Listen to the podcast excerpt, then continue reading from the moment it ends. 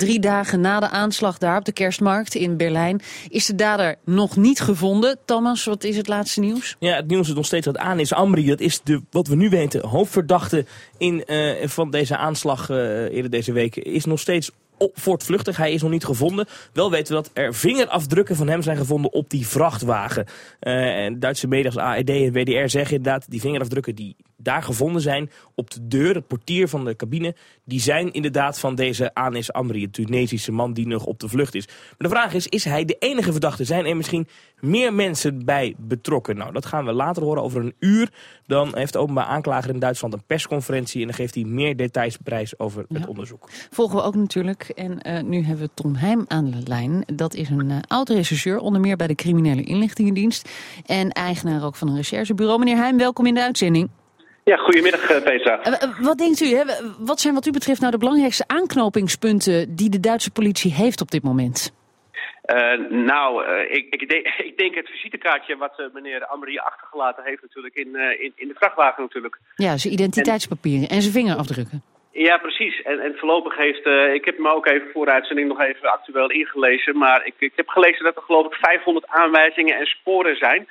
Dus ik denk dat de politie nog wel even wat te doen heeft natuurlijk in ja. deze. Ja, nou ja, ze hebben natuurlijk ook een foto.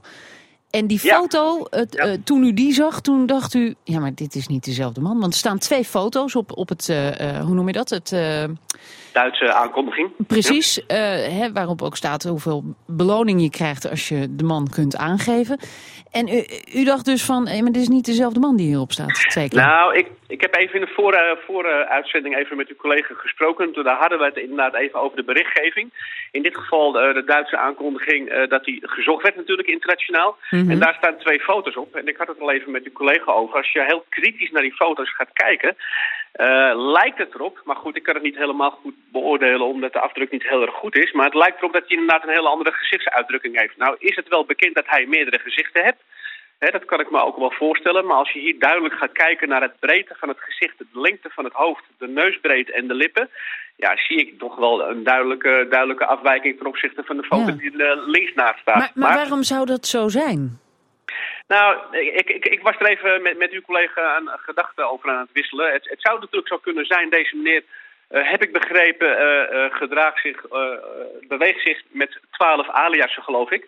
Dus u moet zich voorstellen, die heeft twaalf verschillende namen, nationaliteiten of wellicht ook nog andere foto's. Het zou zo kunnen zijn, maar het is maar gissen, hè? even voor de duidelijkheid, want ik ben geen deelnemer van het onderzoek. Nee. Maar het zou, zou zo kunnen zijn dat dit een van de foto's is waaronder hij zich heeft, uh, uh, naar buiten heeft gedragen. Ja, en dan is het natuurlijk wel interessant om te weten van de politie wie is die foto op die meneer. Ja, ja, ja. Nou, wat we wel weten is dat er een klopjacht nu gaande is.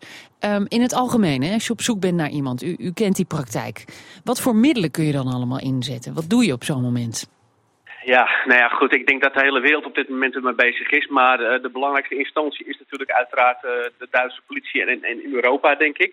Ik denk uh, in eerste instantie, zoals ik al ook een heel lang geleden een keer tegen u zei, natuurlijk de, de, de standaard controles die, die je op de weg doet natuurlijk. Hè, dus de buitenkant, de voorkant. Ja. Daar kun je natuurlijk heel veel in doen. Maar ik denk in dit geval dat het achtergrondwerk, hè, dan heb ik het eventjes over uh, weer de, de politieke inlichtingendienst, uh, de militaire inlichtingendienst, maar ook de criminele inlichtingendienst met name. Uh, want daar is hij al eigenlijk door, door de criminele inlichtingendienst en de informanten die ze daar runden, is hij natuurlijk uiteindelijk naar voren gekomen omdat hij destijds een vuurwapen wilde kopen. Nou, en, en die molen gaat natuurlijk gewoon heel, helemaal door. Want ook uh, heb ik begrepen dat in de periode maart tot en met september... dat er ook daadwerkelijk een onderzoek op hem gestart is. Observatie en telefoontaps. En dat uiteindelijk uh, het niet hard gemaakt kon worden, zeg maar. Ja, ja. Dat, is, dat, is, dat is lastig. Nu kan ik mij nog herinneren van de nasleep van de aanslag in Brussel in maart van dit jaar. Toen waren er in, in die wijken, Molenbeek, Schaarbeek, die, die, die, die, die, die stadsdelen in Brussel. Daar werd ontzettend waren inval op inval. En eigenlijk de hele dag door kregen we eigenlijk berichten via de Belgische media. Oh, nu vallen ze daar binnen. Grof verschut, straten afgezet. Dat zie ik nu eigenlijk helemaal niet in, in, in Berlijn. Waar, wat, waar, is dat verschil in? Uh, ik zou het niet weten, ik ken de achtergrondinformatie niet, maar ik begrijp uw vraag hoor. Uh, ja, nee, dat heeft wellicht toch te maken. Kijk, even voor de duidelijkheid.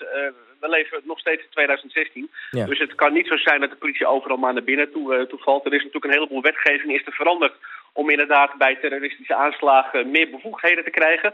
dus op het moment dat je aanwijzingen krijgt dat hij contact heeft of dat hij ergens een dag gezeten heeft, nou, dan zou dat een aanleiding geweest kunnen zijn om een huiszoeking te gaan doen en een inval te gaan doen. Ja. Dat hebben we nu nog niet gezien. En wat daar de reden van is, ja, dat, dat, uh, dat, dat weet ik ook niet. Nee. Uh, nou ja, wat ik me wel blijf afvragen bij uh, dit soort klopjachten is, hoe kun je in een wereld waar bijna geen privacy meer bestaat, hè, toch zo van de radar verdwijnen? Zelfs als je al in de smiezen was van de veiligheidsdiensten. Ja, maar ja, dat, is toch een kwestie van uh, uh, s'nachts vertrekken en, en, en uh, zes weken onder je deken blijven liggen. Even heel simpel, kortere bocht natuurlijk. Maar kijk, op het moment dat je echt wil verdwijnen, dan is het aan de andere kant ook niet zo heel erg moeilijk. Hè? Want je kunt je natuurlijk ook gewoon vermommen. Je kunt je s'nachts gaan voortbewegen, waardoor camerabeelden minder, minder beelden vastleggen. Ja, er zijn, er zijn best heel veel mogelijkheden. Ik ik, ik denk, ik denk uh, dat het ook wel een kwestie van tijd is voordat deze meneer aangehouden wordt. Hoor. Want ja. uh, er is wel zoveel over hem bekend al. Dat dat uh, toch niet al te lang meer kan duren, ja. waarschijnlijk. dankjewel, Tom Heim, oud-rechercheur.